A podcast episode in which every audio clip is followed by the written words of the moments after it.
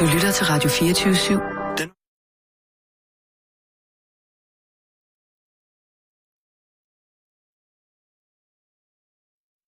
Velkommen til Bæltestedet med Simon Jul og Jan Elhøj.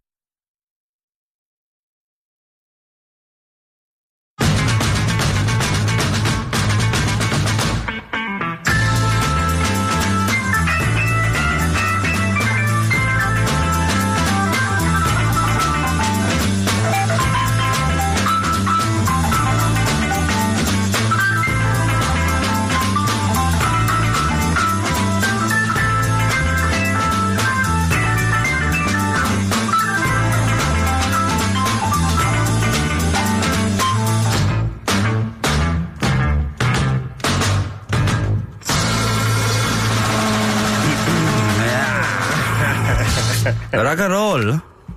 Rock and roll? Hjertelig velkommen indenfor på denne stille og rolige torsdag. Mm. Du får lige en uh, lille skænk.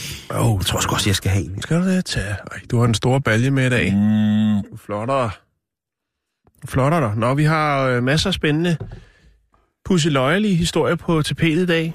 Ja, den er godt fyldt op ved at have været på os to. Ja, det, det skal jeg love dig for. Jeg har også en... en øh, jeg har faktisk en fræk. Jeg ved godt, det ikke er tirsdag, men øh, nu er den ligget og marineret lidt, så jeg tænkte lige pludselig, så er den ude på de andre spændende medier, og så, øh, ja, så må vi jo smide den, Simon. Så jeg tænker, det skal være i dag, det skal være. Det bliver lidt frækt, det kan jeg godt sige. Det er ikke så... det? Det er ikke, Nå, nej, det er altså bliver det super. på grænsen til uart? Nej, eller? det er det ikke. Det er, Nå. det, ikke, det er det ikke. Skal jeg så ikke starte med en stille og rolig ting, som øh, måske kan blive en, øh, en bekymring Jo. i fremtiden? Åh oh, ja, lad os få nogle af dem, for jeg synes ikke, der er så meget at bekymre sig om, PT. Nej, det er der ikke. Men øh, vi skal snakke om noget, vi har snakket om rigtig mange gange, Jan. Ja. Og det er det her med muligheden for at printe sin egen våben med de her nye 3D-printer, der er kommet. Ja. Og vi havde jo historien for lang, lang, lang, lang tid siden om en texansk gut, som gik på det, der svarer til DTU på øh, Austin Universitet. Ja. Og han var blevet rigtig dygtig til at printe med 3D-printer. Mm. Han havde faktisk øvet sig. Og han var faktisk blevet så dygtig, at han kunne finde ud af industrielt designe. Og så har han lavet blueprint, som man kunne hente på internettet, således at man med fuld brugsanvisning kunne printe et skydevåben, en pistol, som var fuldt funktionsdygtigt. Ja. Og det var med dele, som man kunne købe off the shelves. Altså det kunne man gå ned i Silvan eller Home Depot, han har sagt. Eller Ja. ja. så kunne man gå ned og hente det, man skulle bruge, en lille fjeder og noget stoltråd og sådan nogle forskellige ting. Og så kunne man altså være godt sat med en hjemmelavet pistol. Der var sågar film, hvor han stod og skød med den. Blærerøv. Ja. Og det er jo... Det er et problem. Til at jeg starte med er man jo selvfølgelig, synes jeg, over det tekniske vidunder i at printe sin egen skydevåben. Øh, Jeg var ikke bekymret til at starte med. Det kom dog ret hurtigt, men jeg var meget sådan, wow, kan man virkelig det nu? Er vi ude i, at man kan få noget materiale, som er så kan, kan blive så hårdt, at man rent faktisk er holdbart, så man rent faktisk kan, kan få lov til at bruge det som skydevåben og sikkert. Ja. Han sagde selv ham her, gutten, og det var version 1.0, at man øh, nok ikke skulle affyre den mere end én gang. Nej, Men det er jo også nok, hvis man, vil være, hvis man er rigtig det er uheldig. dødelig, ja. Senere hen, så kom det jo så frem, at den amerikanske regering og den texanske guvernør faktisk, og det er mærkeligt, når det er i Texas jo, ikke var særlig begejstret for, at man kunne printe sin egen skydevåben. Nej, men det har nok noget at gøre med, at de mister lidt på indtjening, hvis alle folk begynder at lægge og printe deres egen håndvåben. Det var jo lige præcis det. Er det rigtigt? Ja, det var. Det var, det var jo så det, der kom op bagefter. Der kom jo, det kom jo op bagefter det her med alle de her skydegale tosser, der bor rundt omkring i USA. De, de var jo jublende glade over, at det i nær fremtid var muligt for dem at lave ting, som de kunne bruge i deres hobby, som jo var skydevåben, Mm. uden at det skulle koste dem en formue. Fordi der var ikke noget relevant for, hvordan og hvorledes et skydevåben skulle være sammensat, før at man kunne bruge det effektivt. Der er selvfølgelig alle mulige restriktioner for, hvordan færdigproducerede skydevåben skal certificeres. Altså der skal Jo, være, jo, jo. og det er der jo også heldigvis i Danmark, altså der skal jo være stempler, og de skal være testet, og det skal være på alle mulige måder, er det jo et, et mere gennemtestet produkt nærmest, end hvis man skal have blandet blod, ikke? Øh, der er virkelig, virkelig, virkelig tryk på, på de her godkendelser og tilladelser, der skal til, for at man kan sælge og producere et våben. Men lige pludselig var der sådan en, en gråzone, fordi den teknologiske landevinding havde overhældet de mennesker, som havde været ignorant over for det i rigtig mange år. Og så stod man altså med et hul i loven, der hed, jamen, hvad sker der så, når man laver tingene selv? Hvad nu, hvis jeg med en printet del kan få et våben af træ til at affyre, og så videre, og så videre, og så videre. Og der blev det jo igen en uh, second admittment-diskussion, altså retten til at bære skydevåben og forsvare sin private ejendom, som blev hævet op igen, fordi lige pludselig så var det jo altså, hvis det nu var inde på privat ejendom, mm. og man ikke gik andre steder hen, var det så lovligt med et våben, som var halvt, altså var præfabrikator, altså man havde mm. præprintet noget, men ellers så var resten øh, almindelige ting. Fordi at man i mange stater jo for eksempel gerne må tage og skyde folk med, havde jeg sagt, med en flitsbue, hvor buestrengen ikke er lavet selv, men hvor træet, man har lavet selve buerammen selv. Det må man gerne, det er at forsvare sin egen, øh, mm. sin private, øh, sin privat sfære, eller man sige, sin private ejendom. Det er i nogle stater. Det kan man jo gøre med alle mulige ting. Lige præcis. En slangebøs med en møtri. Der er mange ting, En som ligesom... med kogende vand. Men lige pludselig så var det altså anstandsmæssigt øh, muligt at printe et øh, øh, våben, som kunne afgive skud med krudtdrevmiddel. Mm-hmm. Eller med krudt som drivmiddel til projektil. Og det blev et kæmpe stort problem. Der er blevet sat en stopper for det på rigtig mange punkter nu. Det er på ingen måde lovligt at bære et våben eller øh, sælge et våben, som man selv har printet. Det er ulovligt at hive blueprints ned til våben, fordi guderne skal vide, der findes rigtig, rigtig mange af dem. Jeg, da jeg lavede den her historie tidligere i dag, der gik jeg på nettet for at søge efter blueprints til 3D-printers handgun. Og desværre var der rigtig, rigtig mange. Altså man skal virkelig ikke længere end to klik væk fra Google, så har du fuld mulighed for at mm. hente en... Øh, Det er sgu nok ikke til at stoppe, nu når det er Nej. gået i gang. det er det ikke. Nej. Har du nogle links, så øh... vi kan Øh, i gang? Nej, det, det, der er jeg dog alligevel øh, lidt for tøset. Der er lidt for generet. Ja, der er sgu fascineret. Det, det vil jeg ikke, men ja, det er også lige meget, nu har jeg jo sagt det, ikke? Jo, jo. Det... Men det er jo et problem i hele verden. Lige pludselig det her med, med de her våben. Godt nok er det ikke lovligt, men muligheden er der jo. Og det, er, det må man jo sige er en... Det bliver man nødt til at komme til en erkendelse af på en eller anden måde, om hvordan man skal slå ned på det. Jeg tror, at Danmark, der er det... Jeg gik ind og søgte. Jeg fik ikke ringet til våbenkontoret, men jeg ved i hvert fald, at våbensmede, bøssemager og så videre, der skal altså øh, nogle godkendelser til fra øh, højere instans og de mennesker, som sidder med lige præcis de her bestaltninger.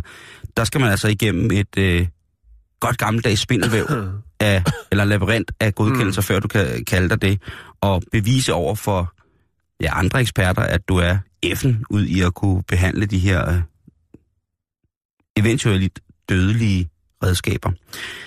En ung australsk kineser, han måtte sande, at øh, det her printeriprojekt, det ikke var det helt store hit. I hvert fald ikke sådan på længere sigt. Han var en ivrig spiller af gun, altså hvor man skyder med de her små plastikkugler. Og han var altså også utrolig dygtig til at bruge et industrielt designprogram. Således, at man kunne lave en skabelon, som printeren kunne printe efter. Og med det, der havde han altså lavet for eksempel nogle af de her våben fra Star Wars. Han har lavet nogle forskellige sådan klassiske science fiction våben, Mm. som ligesom gjorde godt, når han var ude og dyrke noget live action roleplay. Så var han altså i, i, i, i høj kurs. Og han begyndte at tjene lidt lompenge på det. Fordi så var der jo mange af hans kammerater, som sagde, åh oh, fedt man, skal vi ikke lave en squat? Så skal vi alle sammen have det samme våben, og det skal være lidt spacey og sci-fi. Og Så sagde han selvfølgelig, altså hvis I betaler omkostningerne sådan rent materialmæssigt, så vil jeg hellere end gerne printe til jer. Mm. Men lige pludselig så blev det jo også helt almindelige våben, han skulle printe. Og det var ikke funktionsdygtige våben, det var altså replikaer, der var, var tale om. Og så begyndte han altså at printe håndvåben, som er almindeligt genkendelige i, i det almindelige våben, billede af, hvilke våben, der er normale at have, pistoler, der er normale at have i Australien. Og det kom man så til at printe til sine kammerater også. Og lige pludselig så blev der fundet et våben efter et bankrøveri, som øh, altså kunne spores tilbage til, at det var ham, der havde printet det. Der var en meget dum bankrøver, som valgte at blive taget, og så, ja, det kunne han jo forklare, hvad det kom. Altså, fra. det er jo to, øh, det er jo to til, hvad skal man sige, to, altså noget, noget helt moderne, og noget virkelig old school, der mødes lige der. Altså, det er jo rimelig old school at begå et bankrøveri. Men Jo. at gøre det med 3D-håndvåben, det, printet håndvåben, det er fandme moderne. Og de er meget, meget, meget, meget naturtro. Altså med vægt, han sørger for, at der er en lille lidt metal i, øh, i skæftet, og, mm. og han er sådan, du ved, kan lave aftrækket, og der, du ved, han er virkelig dygtig til at lave det her. Og så politiet blev interesseret, fordi da de fandt det her våben, der var der ikke nogen stempler, eller der var ikke nogen af de her almindelige mærkater eller Han har ikke puttet sit certificeringsnumre på. navn på. Bare lige for at det er cool. Det var så det, han havde. Ja. han havde så lavet sit eget lille logo, som så mindede om et øh, østrisk fabrikeret håndvåben, stort håndvåbensfirma, som øh, han så havde lavet sit eget logo med sit eget navn i. Ja. Fordi han jo ikke regnede med, der at de mennesker, Nej. han lavede det til, du ved. Han stolede på dem og sagde, prøv at høre, det er for sjovt Men også stolt af sin øh, produktion. Det kan Stolt af sit håndværk. Jo, jo. jo. Så han er blevet, øh, blevet fængslet, og så er der kommet en helt ny lov fra Austra- i Australien Ja. på grund af det her, om øh, hvorledes og hvordan, at man må få adgang til at printe våben. De har faktisk sagt det så vidt, at øh, den her, øh, de har jo et lidt andet tilgang til sessionslokning i Australien, end vi har i Danmark. Men faktisk vil det være sådan, at de sider, hvor man, man kan tilgå, hvor man har mulighed for at printe blueprints til 3D-printet våben, de vil være i samme båd, som hvis man for eksempel henter øh, børneporno. Ja. Det vil være øh, samme straframme, man vil kunne gå ind under det der med at hente ulovligt materiale, og det er også øh, selvfølgelig noget rigtig, rigtig skidt, kan man sige. Kineserne, jeg gik ind og tjekkede, hvad der var af øh, øh, printet replikavåben i, ja. Ja. i Kina. Det er sådan en lidt anden ting. Der er en driftig ung iværksætter i Kina, som siger, at øh, så snart han har fået bygget sin store printer, 3D-printer, så vil han kunne printe alt fra møbler til bildele mm. og til skydevåben. Og til spørgsmålet om, han vil, og hvad, han- hvad han så vil satse på, så siger han helt klart skydevåben. Ja. Så kan man jo tænke lidt over det, at man kan få et færdigprintet våben fra, fra Kina, som er printet af en øh, kaospilot eller iværksætter. Jeg synes, det, Jeg synes, det er iværksætter. Det er Men det, det er jo allerede i gang dernede. De er jo allerede gået i gang med at bygge 3D-printede huse dernede. Der er en amerikaner, der har Det er rigtigt. 3D-printet legehus til sin søn, som er en, en, en mini, en miniatyrslot. Øh, og det er den vej, det går. Jeg tror, at det var ikke lang tid før, vi ser nogle hjemmesider, hvor du kan gå ind og, øh, og købe blueprints til forskellige. Jeg tænker på noget, som vil være... Det kan man jo. Ja, ja, men, men sådan i den store brede, brede vifte. Jeg tænker noget af det, som vil være rigtig interessant for mange almindelige mennesker med almindelige interesser, det var for eksempel, hvis man kunne begynde at 3D-printe nogle af de her dele til sådan noget som øh, køkkenmaskiner, som jo er fucking dyre. Hvis du øh, smadrer den der lille skrueting, der sidder nede i bunden af din blender, ikke? Så, øh, så er du ude med, med 200-300 kroner, ikke? Hvis du bare lige kan Mm. gå øh, ind på, på kontoret og printe sådan en ny en. Ja, Altså, men det kommer jo. det kommer. Det, det kommer jo. Kommer det. Jeg har allerede set, jeg kan se, at der er hjemmesider, hvor du kan bestille øh, forskellige øh, materialer til din 3D-printer. Ja. Altså, det og man kan printe. Altså, jeg har faktisk overvejet at se, om man ikke kunne... Øh, jeg har fundet en, øh, en, et blueprint til en højtaler. Ja. Sådan en lille højtaler, hvor man så kan købe alle delene, og så kan det blive sådan en øh, nærmest en Bluetooth-højtaler, ikke? Ja. Og den skal kunne virke og være vandtæt, og, og den skal... Og det, det Vi vil, vil høre rigtig meget musik under vandet. Nej, men, men hvis der for eksempel er ude at sejle, så er det måske Jeg er meget med. rart at have. Ja, jeg er med. Øh, og der er... Øh, og den, der kostede blueprintet øh, 7 dollars. Ja. Og der var elektroniske dele og sådan noget for lige omkring 11 dollars. Og man kunne købe hele sættet for 15 dollars. Mm-hmm. Med alt til en lille kasse. Og øh, det her øh, granulat, man skal bruge til at printe i. Og så skulle man selvfølgelig have en printer selv, det er jo klart. Og det Mm. koster så stadigvæk øh, en lille smule at få fat i. Men øh, 3, de 3D-printede våben er over os, og det ja. glæder mig til at se, hvordan at foranstaltningen bliver øh, i, i Danmark. Men det hvor ulovligt det er, hvor store Det var bøder- nok 10 år, før de begyndte at tage stilling til det. De er jo lidt øh, bagud. Det er rigtigt, men øh, de første øh, 3D-printede våben i Danmark, de er helt sikkert på vej lige om lidt.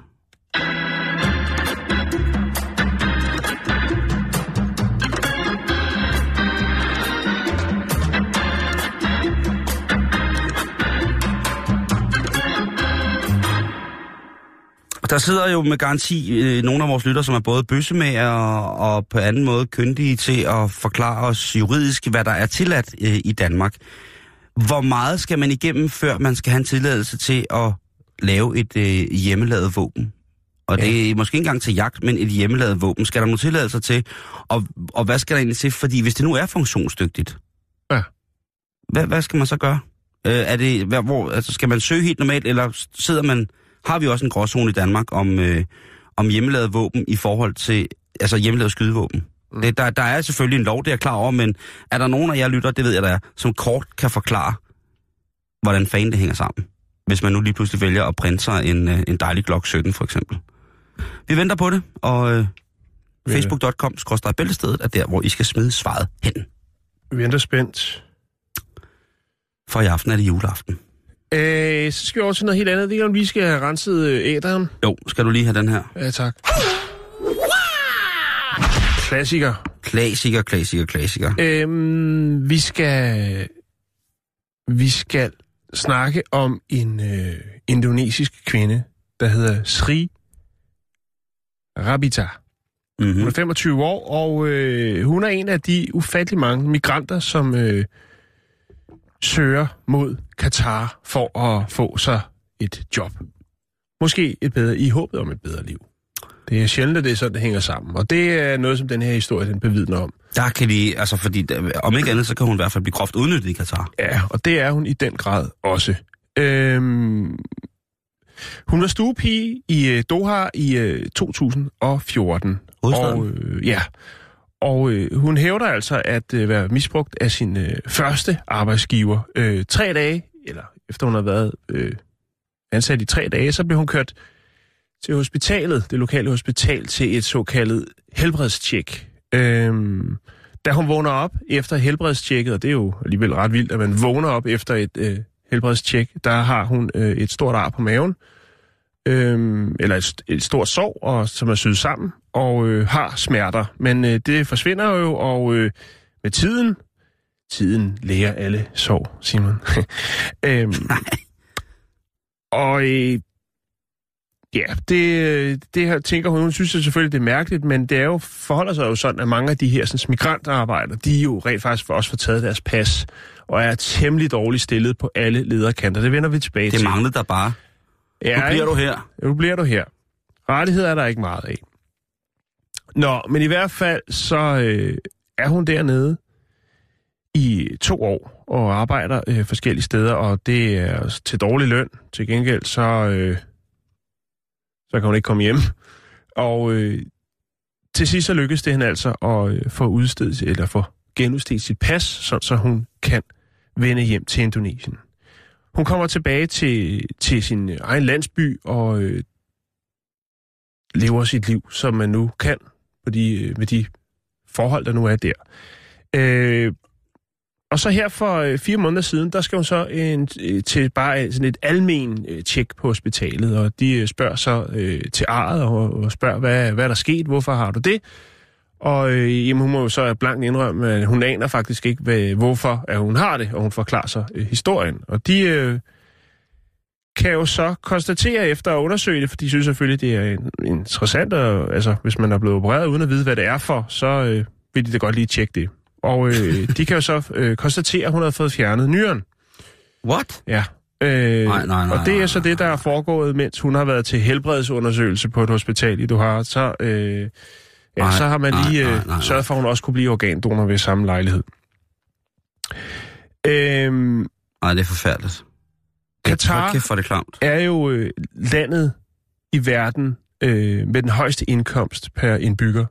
Øh, og Katar er jo klassificeret FN som et land med meget høj øh, menneskelig udvikling. Mest avanceret arabiske stat. Øh, ja, de, er, de øh, roser jo Katar. Jeg ved ikke, om der er noget med olie at gøre. Det skal jeg ikke kunne sige. Øhm, det er jo en, hvad skal man sige, det er jo en af de meget magtfulde, hvis ikke det mest magtfulde land. Øh, De har jo blandt andet deres egen øh, mediekoncern, Al Jazeera, og øh, så er det også dem, og det er jo her ligesom, at, hvad kan man sige, at nogle af mange, i hvert fald mange af de her migrantarbejdere kommer ind i billedet, det er jo fordi, de jo som det første muslimske land skal afholde VM i fodbold i øh, 2022. Øh, eller det første arabiske land i hvert fald. Øhm, men der er altså noget med de her arbejdsforhold, som, øh, som begynder at, at samle sig til, til et lille et lille skov i glæden af at kunne være vært for VM i fodbold. Og øh, det er selvfølgelig, fordi der er sindssygt mange, der arbejder på at opføre det her stadion, og dertilhørende bygninger øh, til VM i fodbold øh, 2022. Og øh, det forholder sig faktisk sådan, at øh, det, som hedder... Øh, skal jeg lige prøve at se, hvad det var, det hed? Det hedder... Øh, fanden er det henne? Det er en meget, meget lang, lang artikel, den her. Det hedder... Øh, det er noget, som, øh, som EU har, som hedder... Hvor fanden står det henne? Nå, det er i hvert fald sådan en slam, sammenslutning, hvor man går ind og, og, og tjekker arbejdsforhold i, i forskellige lande, og det er jo så øh, der er Katar så det femte land, som kommer til at blive øh, undersøgt af den her sådan, instans i EU. For, simpelthen fordi, at, øh, at jamen, de forhold, som de her folk har, øh, eller FN er det faktisk, øh, de er så kummerlige. Man har til at få opført det her, der har man, øh, fordi der er så mange, der arbejder på, der har man øh, lavet en by, en indkvarteringsby for de her arbejdere, de her underbetalte arbejdere, som øh, får nede deres pas, men man tænker, efter der var så meget fokus på det, så må de i hvert fald ud af tillade som om, at der er lidt bedre forhold for dem. Der har man lavet det, der hedder Labor City, og øh, der kan altså bo 100.000 arbejdere, og de er jo så... Øh, ja, de bor fire, på, fire øh, arbejdere på et værelse på 24 kvadratmeter, og øh, så er der selvfølgelig øh, kantiner, computerrum, fitnessfaciliteter, tv-stue, øh, Det lyder meget flot. Og, ja, det gør det. Men det, jeg, tror, jeg tror kun, at det er for at, at, at inden at uh, FN går i gang, den her internationale faglige sammenslutning, de ligesom går i gang med at kigge i dybden på det her, så, så har man lige skyndt sig at, at, at banke nogle, øh, nogle skure og lidt øh, faciliteter op, så det i hvert fald ser ud, som om der bliver gjort noget. Men en ting er jo dem, så, som arbejder der, altså ved de her bygninger til, til VM øh, 2020, men der er jo rigtig mange, som for eksempel den her unge kvinde, som bliver udnyttet jo på det groveste. Altså, du ved, jeg godt kan lide fodbold. Ja. Og jeg kommer til at boykotte det der VM fuldstændig. Mm. Jeg synes, det er utilgiveligt, og jeg synes i det hele taget, der er rigtig, rigtig meget. Nu ved jeg godt, at sport er en rigtig, rigtig fin katalysator i forhold til at, at binde steder sammen, som måske er en lille smule tvivlsomme i forhold til for eksempel øh, humanisme, og så øh, popularitet i forhold til fodboldstjerner og sådan nogle ting. jeg siger. Men jeg synes jo, at at det er jo meget, meget sørgeligt, at øh, der ikke er flere sportsstjerner, som øh, tør stille sig op, eller har et behov for at stille sig op ja. og sige, prøv at høre, vi er dybt professionelle sportsfolk, vi lever af det her, vi har brugt hele vores liv på det, men vi er også mm. meget bevidste om, at, Velbekomme. tak, vi er altså også meget bevidste om, at de her steder, som gerne vil, vil give rigtig, rigtig mange penge for at få de her konkurrencer, de altså er bygget på det, som vi ud fra en vestlig optik måske vil se som et rimelig skident humanitært grundlag. Ja. Der er meget, meget, meget få sportsfolk, fordi de er bundet op og afhængige af deres sponsorkontrakter og deres hold, og jeg nægter at tro på, at alle sportsfolk er, er, er så store idioter, at de ikke kan se igennem lande, som umiddelbart er en uh, stor, blomstrende humanitær katastrofe. Det vil jo være stærkt som en enkelt spiller eller et hold at gå ud og sige, det der kan vi ikke. Men jeg tror, der er så mange øh, penge involveret, der er så meget magt, og der er så mange øh, højere op i, i kæden, som, øh, som øh, hvad skal man sige, nok hurtigt skal få, øh, få folk på andre tanker. Altså, DBU har jo foreslået boykot af, af VM i Katar i 2020, øh, og det synes jeg, at øh, der må... 2022. 2022, og det sy- synes jeg, der må godt må være en, en voldsom opbakning til. Ja. Men for eksempel sådan noget som OL i Sochi, eller øh, i Brasilien og sådan nogle ting, og sager, hvor at alt jo... altså, vi, vi, vi lapper det jo med glæde i os og ser de her fantastiske billeder af de her sportsfolk, som jo kæmper, og det er jo kæmpe menneskelige præstationer, man ser mm. på det her fjernsyn. Men på hvilken bekostning er det, at vi skal se de ting? Mm. Det har det sådan, det, det, der bliver jeg sådan lidt, øh, jamen der bliver jeg sgu lidt, øh, lidt blød i kanten og, og tænker, at det, det, er sgu ikke, øh, det er sgu ikke det værd med al respekt for de mennesker, som viger deres liv til en enkelt sportsgren, fra de er helt små til de ikke kan mere. Mm. Jeg synes, det er, det er meget problematisk, at der ikke er flere sportsfolk, der råber vagt i gevær, før deres karriere de er overstået. At ja. De ligesom bare følger med, fordi det, det skal de, og det er... Og det skal de jo også, og det er jo, et kæmpe, det er jo mega paradoxalt, fordi de jo som sagt bruger alt deres liv og deres tid, og måske også har brugt deres familie og deres forældres penge på at nå det her til. Og der, mm. der er så meget investeret i det her, mm. men at man så alligevel ikke kan... Altså, så jeg kan godt forstå, hvis man ikke ligesom vil... Men at man kan lukke øjnene for de ting, der, der foregår rundt omkring i, i, i landene, som er der. Det synes jeg er... Altså, de, de lukker jo nok ikke øjnene, men det må også gøre det svært for nogle sportsfolk øh, at holde deres kæft. Øh, fordi de jo er... Der er også øh, nogle af deres brødre og søstre, som rent faktisk jo måske ikke sådan øh, genetisk, men i hvert fald nogen fra øh, deres, fra dem, deres egen lande, som jo rent faktisk måske er fanget dernede øh, uden pas og kummerlige forhold. Jeg kan fortælle dig, at det hedder ILO, og øh, det er øh, en interna- FN's international arbejdsorganisation, som øh, har sendt en delegation derned for at kigge på det. Og øh, det er det femte land, som, øh, så det er, ikke, det er ikke nogen, der rykker så tit ud, men øh, de andre lande, som de har kigget på øh, angående sådan nogle arbejdsforhold, det er Burma, Haiti, Liberia og så Portugal. Mm. Øh. Altså, der er, bare, der er bare ikke nogen former for gode point, eller nogen former for økonomisk relevans i at foretage nogen, nogen humanitære ting øh, i sporten sådan hele vejen igennem, vel? Altså, der er jo masser, der siger, jamen, vi øh, laver et, et stævne, eller vi holder julebingo i fodboldklubben, hvor pengene går til et eller andet, eller at der bliver, at der er rigtig mange sportsfolk, som ligesom har et eller andet øh, velgørende formål siddende, som, som, som de ligesom eksponerer. Og det er jo også ret godt, men, men det er ligesom bare det. Altså, der er ikke, mm. det, det, det er sjældent, man ligesom ser rigtig, rigtig mange sådan kæmpe, kæmpe store sportsstjerner. Der er masser af folk, som du ved, er vandpoloer, spiller eller superløbere, eller sådan.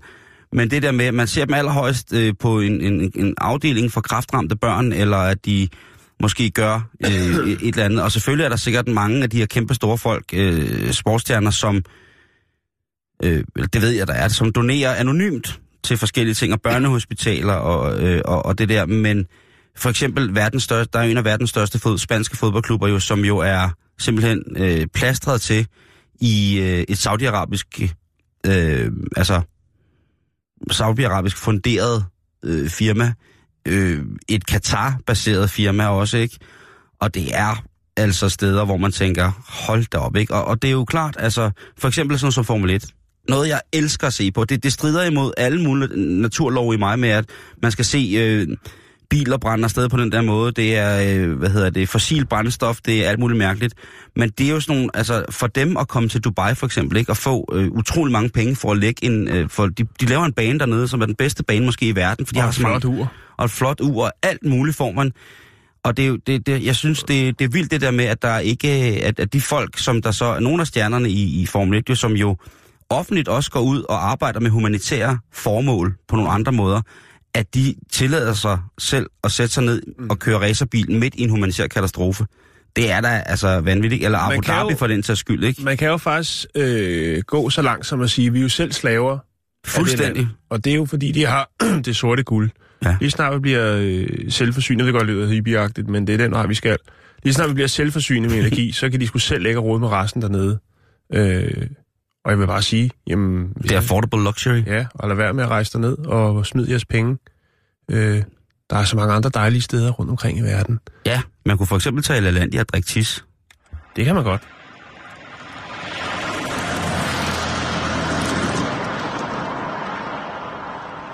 Men det er ret vildt, det der med, hvad, hvad man gør. Og Man kan jo snart heller ikke rejse nogen steder hen i verden, uden at man øh, lægger sig op eller støtter en eller anden form for korrupt regering, en humanitær katastrofe, et land med dødsstraf, kvindeundertrykkende, religiøst, øh, ikke overbevist, demokratisk land osv. osv. Man, Jo, Bongbongland er der vist ikke. Bonbonland er noget af det aller, aller, aller, aller. Det er noget, en af de voldsomste diktaturer. Det er dyrs afføring forklædt som slik. Det er, øh, det er, det er spændende, Vian. Og sukker. Så derfor så skal vi snakke om noget helt andet. Ja, tak. Vi jeg, er vender, jo, jeg vender tilbage. Vi skal til Dubai lige om lidt. Jeg siger det bare. Der, Det er, er- mere, der er mere elendighed. Bare øh, på den, bare på den, på den fede måde. Dubai, Dubai, Dubai, du er den dejligste. Nå nej. Vi skal øh, til en, øh, en person, Jan, som vi begge to har øh, stor, stor, stor kærlighed til. Og det er jo øh, Tupac Shakur. Ja. Tupac Shakur, øh, en Ham helgen, Mand med en gul regnfrak. tu, lige præcis, som stod og ventede på at skulle over vejen i England. Tupac Shakur, som jo altså mistede i en øh, tragisk, tragisk øh, ulykke i øh, september 1996, tror jeg det var, Ja. øh, i Las Vegas, hvor han altså bliver skudt i sin bil. ja. Et, øh, et tab af... Var det hans bil, eller var han passager? Han var passager. Jeg Det er ikke til at vide Han er for der. kendt til at køre bil, ikke? Ja, det tror jeg. Han skal have en af sine homies til det. Øh, han blev skudt i en øh, BMW øh, 550 IL fra 1996, som tilhørte... Så det var den nyeste model. Så- Ja, ja, Ja. selvfølgelig. Det var, øh, det var Suge Knights bil jo. Nå, nå, okay. Mm. Det var ham. Og Dumme Svin. den bil, den er nu til salg. Den er til salg. Så hvis du står og mangler et nyt Er, er, den lappet? Altså ikke øh, på dækkene, men i dørene, og hvor det nu ellers er skudhuller, er den, eller er den fuldstændig autentisk?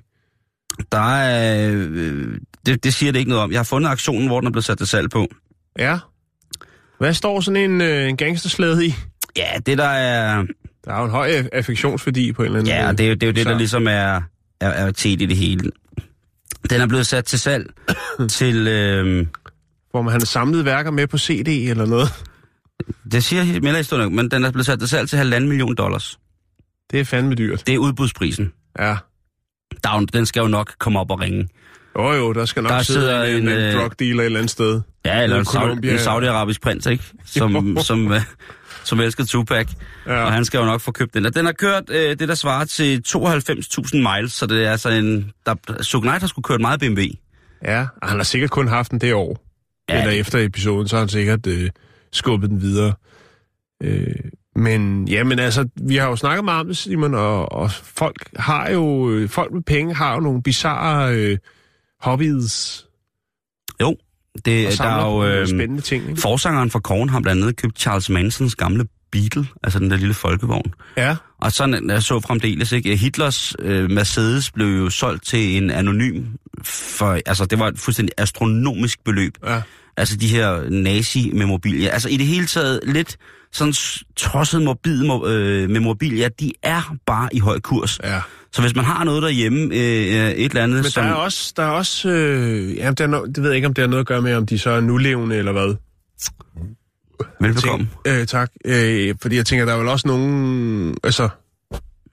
Det, de skal nok være døde, ikke? Eller hvad? Jo, det tror jeg, eller have en eller anden form for forfærdelig historie bag sig. Jamen, Ikke? jeg, Der er tænker, også... jeg har ikke set så meget, øh, og, og det, altså, ja, men jeg har ikke set så meget øh, Fritzels ting øh, være til salg nogen steder. Nej, men det, det kommer jo nok på et tidspunkt, ikke? hans kam eller et eller andet. Ja, Hans nøglebund. det skal jo nok komme, desværre, ikke? jo, Fordi jo, jo, at, altså, jo, hvis jo. man tænker, at ting, som har været tæt på Hitler, er meget dyre, så, så er det næsten, du ved, alle former for diktators, jeg ved ikke hvad, Ceausescu's skudsikre limousine og sådan noget. Der har jo Var det Eva været... Brauns undertøj? Eva har undertøj haft, havde øh, jeg til salg. Ja. Øh, der var... Havde du til salg? Ja, ja, ja. Jeg har gået lidt rundt med det derhjemme som hjelm og sagt... Der er mange ting, som jo ligesom på en eller anden måde, når det har været involveret i noget morbidt, er vanvittigt, vanvittigt, vanvittigt dyrt. Øh, Ja. forsangeren fra Motorhead, øh, Lemmy, Hvilefred dernede, han havde jo en af de verdens største samlinger, og det var altså af, af nazimemorbilier, og det var altså alt fra køretøjer, altså sådan store mm. biler til, ja, til medaljer og hjelme, mm. og jeg skal æderrømme komme efter dig, ikke? Og hvorfor er det, man, man vil have de her ting? Jeg ved det ikke, altså jeg ved jo ikke, hvad man skulle bruge en, øh, en gammel BMW til, som havde kørt måske lidt for langt. Andet end at man kunne sige, at det var her, Tupac var død i, og så ville man måske ikke synes, det var fedt at have en bil, hvor der var nogen, der blev skudt i. Men det kan jo godt være, at der er nogen, der Det sidder er derude. rimelig, øh, ægte i hvert fald. Det giver god street cred på en eller anden måde. Jo, jo, men man vil jo bare sidde inde i den og høre Medmindre- Want It hele tiden. Med mindre, altså, det kunne også blive et helvede. Jeg tænker, hvis der er nogle inkarnerede øh, Tupac-fans, der siger, hey, der kører ham, der skød, ham, der skød Tupac, efter ham, kør, fang ham, fang ham. Og man bliver jagtet rundt øh, overalt. Ham, der man, skød Tupac. Ja. Hvorfor vil man blive jagtet for at have skudt Tupac, når man kan rundt i bilen, Tupac blev skudt i? Fordi det er Tupac-fans. Jeg, for- jeg, jeg forstod ikke. Nej. Det, det er meget svært for mig.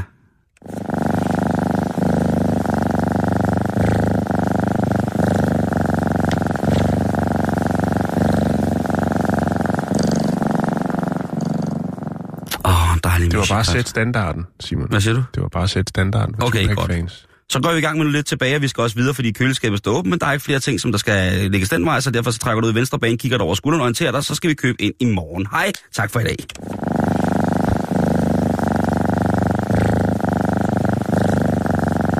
Ja, jeg forstår intet i dag så. Ja, det er fint. Går lortet ned? Jamen, nu skal du høre, at vi øh, fortsætter lidt øh, nede i de dyre lande. Vi øh, skal et smut til Dubai. Øh, her, er man, Ja. her er man vild med guld. Og hvad for noget, siger du? Man er vild med guld dernede. Ja. Ja, i Dubai? Og, øh, ja. Og øh, på øh, Pier 7 i Dubai, eller på Dubai Marina, der øh, ligger der en dejlig, dejlig restaurant, der hedder Lounge Atelier M. Og øh, her, der kan man få, som så mange andre steder, en træretters, Simon. Men øh, det er ikke så mange andre steder, man kan få en træretters, hvor alle tre retter indeholder guld. Åh, oh, ja. Yeah. Smagen af guld. Vi snakker 24 karat. Wallah. Øh, og menuen, ja, den er inspireret øh, asiatisk sådan middelhav og middelhavsretter. Øh, øh, blandt andet så har vi en tuntatar med trøffel og 24 karats bladguld på toppen. så har vi en økologisk øh, honning soja glaseret laks, selvfølgelig også med øh, bladguld på toppen. Og når du rører frem til desserten, jamen, så er der øh, varm chokolade fondant med vaniljeis og selvfølgelig 24 karat bladguld på toppen. jeg må indrømme, at jeg har smagt guld. Og jeg, jeg Ja, det smager vel ikke noget. det smager ikke en skid. Nej, og man optager det jo heller ikke. Øh, så det er ikke sådan noget med, at man får et glimt i øjet eller noget. Det ryger bare lige ud i... Øh, jeg, tænker, at man skulle tage Jeg pisser guld i forvejen. Jeg, Jeg, jeg, jeg tænker, at man skulle tage ned og, og putte et filter på øh, faldstammen dernede i restauranten eller noget. tror du ikke allerede, de har gjort det? Det kan sgu godt at de genbruger det. Prøv, du vil- du vil- han står Ja. og vasker guld. Jeg kender, dig, jeg kender dig så godt nu efterhånden, at du vil, jeg vil, hvis du stod her flyet i Dubai, så vil du holde i et sted mellem to og fire timer, inden du vil løbe skrigende ud i ørkenen og sætte dig til at dø af skam. Ja, jeg, jeg tror, du har ret. Det ved jeg, det har. øh, hvad koster sådan en træretters? Jamen, Ja. ja. vi er ude i 381 kroner, så jeg synes umiddelbart, det lyder som noget billig lort. Ja, der, skal man det- sgu, øh, der må man godt spørge, fordi nu har de jo brugt penge på at få en uh, importeret økologisk uh, honninglaks. Så tænker jeg, kunne man, kunne man diskutere, hvordan guldet var tilvejebragt? Ja. Der er jo rigtig mange måder at udvinde guld på. Ja. Og der er jo det, er jo, rigtig... det er jo bladguld, vi snakker om. Jeg havde mere... Ja, altså, jeg ville hellere... Jo, jo, men det er jo stadig guld. Jeg ville hellere give en 300-400.000, og så kom der en... øh, en øh, og så kom der en tjener. Så kom der en tjener. tjener Jeg vil meget hellere give 300.000 kroner for... for, for, for, for der kommer en tjener hen med et rivejern og river en, river en guldbar. det er jo en diamant. Ja, ligesom med trøffelen eller parmesanen, så står han lige og river det ud over øh, den der hon, honninglaksen, ikke? Det er knust diamant. Skal Det være er fandme en fed det- kommentar. For det der, det gider jeg ikke. Tag nogle kroner med guld. I kan sutte mig. 381. På- Nej, kæft med jer. I kan forsvinde. Jeg, jeg, vil, jeg vil have ret til 400.000. Jeg vil have, at du står og river en guldbar ud over. Jeg skal skoldes med smeltet guld. Økologisk smeltet guld. Der skal være alle, Åh. der skal være alle stempler. Der findes jo rigtig, rigtig meget. Der er jo rigtig mange øh, saudiarabiske interesser, som udvinder mineraler forskellige steder rundt omkring i verden. For eksempel er, er, er det jo blevet meget populært at drive drive øh, det nøgne regnskovsfolk ud af Amazonas til Ja. fordel for øh, diamantminer og Jo, jo, jo, guldminer, jo. og øh, Jo, jo. de, øh, jamen, de er jo blevet, det, det er betalt, så de, de er da ligeglade. Jo, jo, men så, det er jo Men- sådan, det er, Simon. Men, men og, og, og, og der er jo bare det der med, af urensagelige årsager, så kender jeg et par guldsmede. Og der er altså noget med, og nu må jeg guldsmed, der sidder lidt med, der vist nok skal være øh, nogle stempler og sådan nogle ting, altså, i forhold til, hvordan man øh, udvinder det her, eller får det her guld øh, fundet frem, eller hvordan man får det, jeg ved ikke, Fundet frem. jeg får det fundet frem. Øh, Fanden, det der ligger der. Åh, det er en stor klump guld. Ej. Hvad fanden? Kan jeg få, jeg får 400.000 kroner? Er det danefæ? Gud, det er mit. Altså det der med, at der vist nok er nogle, man bruger vist noget, nogle forskellige kemikalier, noget kviksøl og noget, når man udvinder nogle Jo, jo, forskellige jo. ting. Så der er forskellige kvaliteter af guld. Og den spiselige guld, den må jo også have en eller anden form for certificering. Man må, der skal jo, hvis man skulle servere guld i Danmark, så skal man jo kunne forvise en indholds, øh, en ingrediensfortegnelse i, altså, Ja. hvad, der, hvad indeholder det her, ikke? Jamen altså, du kan jo købe Er det den. bare pure Du gold? kan, jo, øh, du kan jo købe på internettet, ikke? Øh, jeg har fundet her hos øh, Bevco, der kan du altså købe en øh, Smirnoff Gold Vodka, 37,5 procent, 70 centiliter til 151 kroner. Så har du bladet guld og bling bling, du. Mm. Det lyder også lidt billigt. Jeg, der vil jeg sgu hellere... Øh, Hvis jeg skal drikke sprut, så skal det koste der vil jeg hellere få fløjet, fløjet en roser ind og stå og rive noget bladguld. Noget badekar med vodka. Øh, fedt at rive det. Det er også bare, altså... Ja, Men- det er, det, men det er Dubai, Jan. Det er Ja, uden for det- pædagogisk rækkevidde. ja. Men det er, hvad, vi kan sgu også nå op til Abu Dhabi. Ja, men det er, Det er fuld, de øh, forenede arabiske emirater. Der kan jeg fortælle dig, det er der lidt ligger... ældre, men det er meget det, det er same same. Det er same same. Der ligger et stort, stort, flot, øh, et stort, stort, flot øh, hotel. Hvad fanden er det, det hedder? Øh, det hedder Hotel Emirates Pala- Palace. Og her, Yes. der, øh, der serverer man altså 5 kilo spiseguld. Øh, Om året. Ja, om året. I timen. øh, om året, og øh, ja, altså det vil sige, det, i 2008, det var jo lige der, hvor finanskrisen den knækkede. Der knækkede den ikke dernede, fordi der havde man altså et, øh, et forbrug på, øh, på hotellet på øh, 3,5 millioner øh, danske kroner i guld øh, alene til mad. Jeg elsker de der lande. Ja. Jeg elsker... Jeg, vil, jeg, jeg, Det er jo jeg, så også et hotel, jo, som er stort set klædt med guld overalt. Det har jo kostet 3 milliarder dollars at bygge. Så, så hvorfor ikke også guld på det bliver meget hyggeligere. Øh. Det bliver meget hyggeligere. Jeg tænker jo også det der med, at mange af de... øh, Der bor jo rigtig mange øh, rigtig søde danskere øh, nede i, i både Dubai og, og i Abu Dhabi, som jo... Øh, som jo altså sikkert øh, bor dejligt øh, sammen med mange andre dan- danskere i Jo, jo, så gated øh, community. Ja, det, det er sikkert skide hyggeligt. Ja. Øh, og der bliver holdt nogle grillfester om, om, hvor meget guld, der bliver brugt dernede. Det, Ja. øh, men der kunne man jo måske forestille sig, at øh, der, Abu der, Dhabi svar på Solvang. Det er jo det. Og der er sikkert også rigtig mange øh, rigtig godt betalte øh, filippinske eller malaysiske eller øh, øh, andre former for... Nyreløse. Øh, nyreløse au pair-folk, som øh, går rundt virkelig og, og passer på, øh, på børnene, når de sidder og spiller Playstation i aircondition hjemmet. og fordommene for frit løb, og det er ganske ubehageligt, og det er ikke ja, savligt på nogen punkter. Mens der Men, bliver nappet til sådan 3 liters rosé med bladguld i til 3.000 dollars. og det er forfærdeligt, men øh, jeg har desværre set lortet.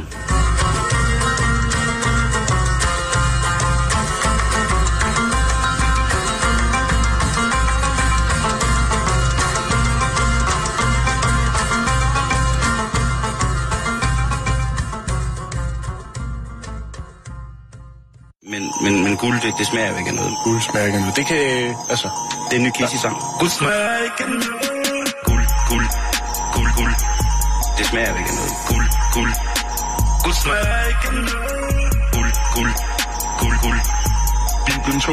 Guld, guld. Man smager ikke af noget. Bjert. Guld smager ikke af noget. Guldsmærken er noget. Guld, guld, guld, guldsmærken er noget. Guldsmærken er noget. Bibelen smager af noget. Men, men, men guld, det, det smager ikke af noget. Men jeg har fundet nogle ting, som... Guldsmærken er noget. Det kan... Altså... Det er en ny Kissy-sang. Guld smager ikke af noget. Han, han rapper ikke sådan. Hvad siger du? Det er ikke, han gør det. Det kunne være Sivas. Jan, Ja, det er mig. guld smager ikke af noget. Nej, det gør det ikke. Øh, KJ, øh, husproduceren, har igen, eller har smidt det her, øh, droppet det her, vil jeg kalde det. Ja, det er ungt. Øh, tunge, tunge, tunge, tunge, tunge, tunge rhythm. I kan, øh, jeg ved, der sidder mange øh, stjerner derude og tænker, oh, shit, en production. øh, I kan skrive til facebook.com, øh, skråstrej bæltestedet, vi er managers for, øh, for Kasper Okay. Junge. Men øh, det kan vi starte, altså, øh, Vi starter ved, ved for 300.000 300.000 kroner guldmad, bladguld, det er, det, han, kan ikke, han kan ikke gøre det for mindre, så underbyder han sig selv. De står i kø derude i verden for at få lov til at mærke hans fucking beats. Øhm, ungdomsarbejde, Jan, er jo en øh, god ting, og forretning. øh, det, er en god, det er en god forretning. Og øh, når man får en god idé, så skal man, så skal man brygge på den. Og vi har jo flere gange, Jan, har du jo øh, hævet eksemplet frem på et entreprenørskab, som for mange virker en lille smule omsonst. Men nu er den gal igen. Der er en engelsk mand, som er begyndt at sælge luft for svejtiske alber. Ja. Og han øh, vil ikke, han har selv, øh, han, han har selv boet i alberne i mange år, men han vil ikke ind på, hvorfra i alberne det er. Nej, det kan jeg godt Han forstå. er øh, IT-konsulent, og han hedder John Green og øh, er fra London. Han har lavet den hjemmeside, som hedder mountaineerfromswitzerland.com. og, og det Det er er jo... utroligt, at det ikke var optaget, det domæne. Ja, ja, ja måske, men det kan godt være, det var, var optaget, men han har bare trukket det sammen i et Han ord. har afbudt det. Ja. Han, øh, han- han har levet, øh, han har boet i Schweiz i 20 år, og han er altså øh, afhængig af den schweiziske luft, som han selv siger, det er noget af det bedste i hele verden. Og det koster øh, i en 3 liters, øh, 3 liters schweizisk bjergluft koster 2.000 kroner. Ja. 1 liter koster øh, 1.350 kroner, og en halv liter fragt? koster 750 kroner. Hvad siger du? Er det med fragt? Nej, selvfølgelig er det ikke Nå. det. Øh, fragten koster 300.000. Så sy- Nej, øh, man kan få det sendt, men jeg kan ikke lige se, hvor meget det koster. Det er noget i forhold til lokale takster og sådan nogle ting. Så hvis han du, luft ned i sådan en boblekuvert, og så åbner den, så er det væk. han slår en prut ned i en vaskeklud, og så sender den til dig. Hvad hedder Ja, det? det er en anden hjemmeside. Nå, okay. Den kan du også lige sætte et link op Det på. er Johns anden hjemmeside. Det, der er ved det, det er jo, hvis han, man skal have for 2.000 kroner luft ind i Danmark, Ja. så skal du betale moms på et tidspunkt. Importmoms. Jamen, jeg tror, man skal be- Altså, hvis man køber noget, der koster over... Er det over 2500, så skal man betale... Øh, betale moms eller skat af det, ikke? Og det er jo, Jo. altså, det, det, så bliver det jo noget helt, helt, helt specielt eksklusivt øh, luft. Og det er jo også eksklusivt. Mm. Når man køber det her, så vil man øh, få sendt via sin mobiltelefon GPS-koordinaterne til, hvor at den her luft helt specifikt blev samlet. Nej. Så kan du gå ind på Google Map, og så kan du sidde og, og hakke til en øh, bjergskroning i Schweiz, eller måske en resteplads lidt uden for Herning. Og så kan du altså øh, dufte til den reneste, fineste svejtiske bjergluft. Hvor fik jeg sagt, at en halv liter koster 750 kroner? Ja. Al luften, ifølge John, er samlet i over 3.000 meters højde, fordi der, det er der, den rigtig, rigtig svedige luft er. Det er der, hvor at, øh, den sweet air, at love is in the air, for, for, altså for alt i verden, ikke træk vejret under 2.000-3.000 meter, fordi der er luften ikke så ren, som den kan være. Så han har åbenbart fundet ud af, at det er... Øhm, det er der, den skal, skal være. Fordi han mener også, at øh, når man kommer over 3.000 meter i de svejsiske alper, så er der ikke en bismag af diesel i luften. Nej. Jeg, øh, det, det, og der kommer man til det kort. mærker man, man kan mærke lige så snart, ikke? Når du er på 2900, og så øh, tager de sidste par skridt op til 3000, så kan man lige pludselig mærke, at dieselen den er ude af luften. Men det er også fordi, du er luftkender på den måde. Jeg må indrømme, at jeg ikke er... Jo, jeg kan jo godt lugte diesel, når jeg sidder på cyklen, når der er en bus, der gasser op ved siden af mig, eller en stor lastbil eller et eller andet, men, men ellers så lægger jeg ikke mærke til. Men det er jo rigtigt, at der er jo selvfølgelig alt det, vi ikke kan se i luften, Jan. Ja. Det er det allerfarligste. Blæsten kan man ikke få at se, medmindre man har taget en masse i. Mm.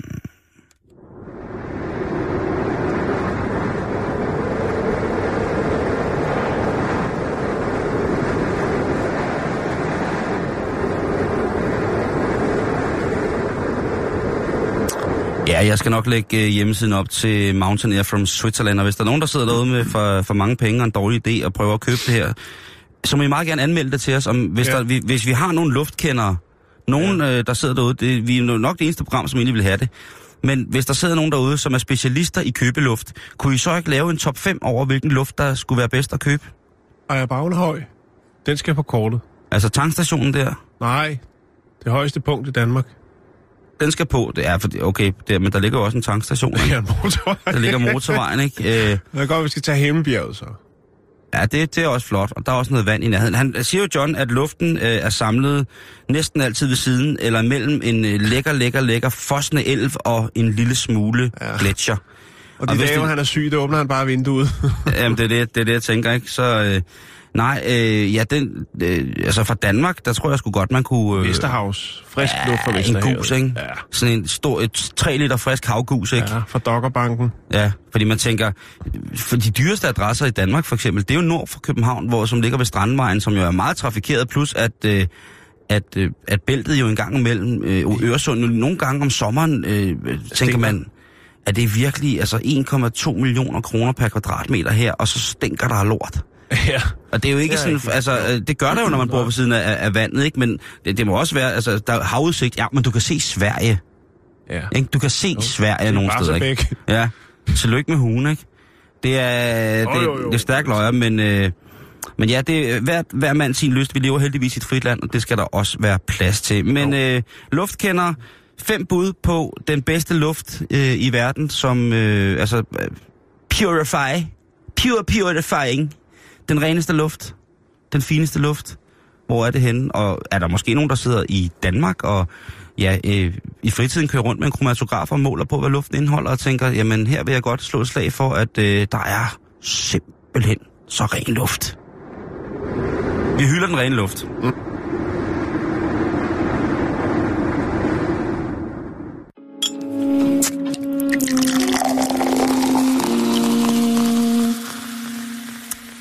Inden vi slutter i dag, så skal vi lige smutte til Kina. Vi skal snakke om øh, to pusseløjelige ting. Først så skal vi til øh, Changi, provinsen, og her der er der en, øh, en ældre herre, som øh, tilbage i 1960'erne fik en gave af en ven.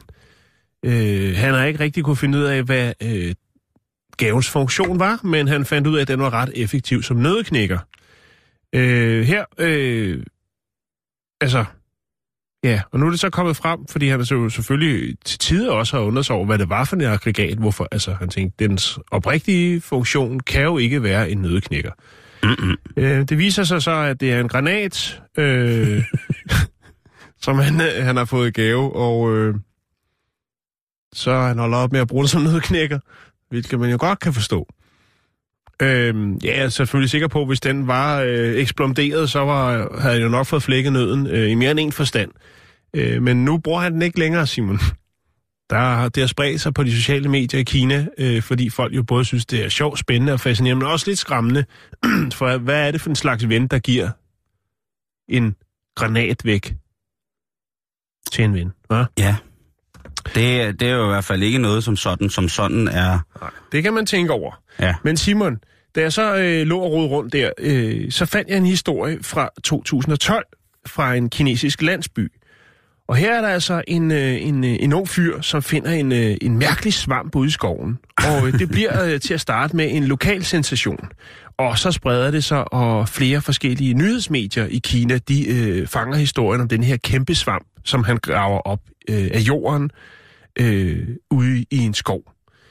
Øhm, det viser sig så, og det er, det er meget mærkeligt, øh, det viser sig faktisk, at det ikke er nogen svamp, men øh, at det er øh, en form for sexlegetøj. Ah, Det ligner en svamp, men øh, i den ene ende, der ligner den en, øh, altså en svamp med en vagina på toppen, og i den anden ende ligner det en, en numsehul.